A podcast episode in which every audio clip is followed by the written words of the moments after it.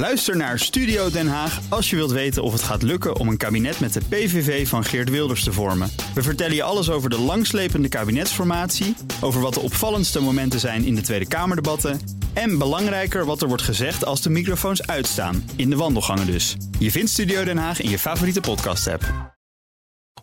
De column van Jaap Jansen. Het valt me al een tijdje op. VVD-fractievoorzitter Klaas Dijkhoff wil de nieuwe Frits Bolkestein worden.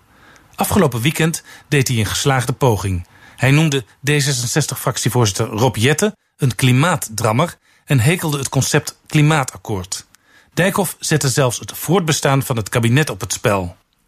De hele week hebben we het er nu al over.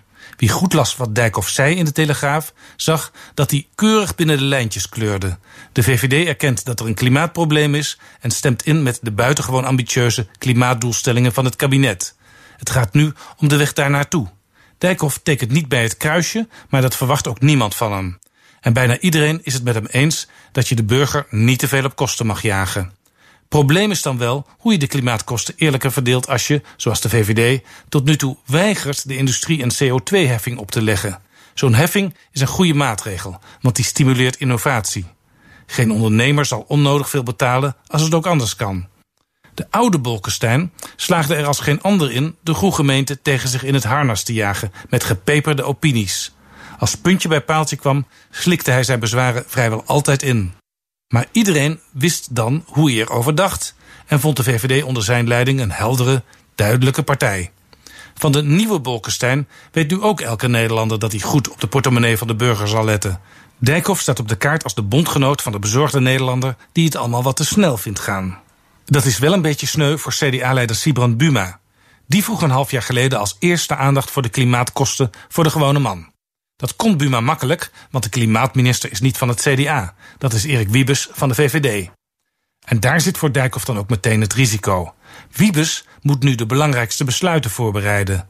Als Dijkhoff te veel afstand neemt van Wiebes, is de VVD zo weer terug in 1989. Ook toen was er grote bezorgdheid over het klimaat. VVD-minister van Verkeer Nelly Kroes, die als Kamerlid nog achter het spreekgestoelte had gestaan in een blij dat ik rij t-shirt, was bekeerd, zei ze zelf. Ze zag plots het licht. Wiebes is losgeslagen, klinkt nu in de VVD-fractie. Net als over Nelly toen. Kroes trok samen op met Ed Nijpels, destijds als minister van Milieu de trekker van het Nationaal Milieubeleidsplan. Diezelfde Ed is nu voorzitter van de klimaattafels die het kabinet vertellen wat er moet gebeuren. Toen werd er over hem gemord, nu ook. Liberale huiskrant De Telegraaf noemt hem de klimaatpaus.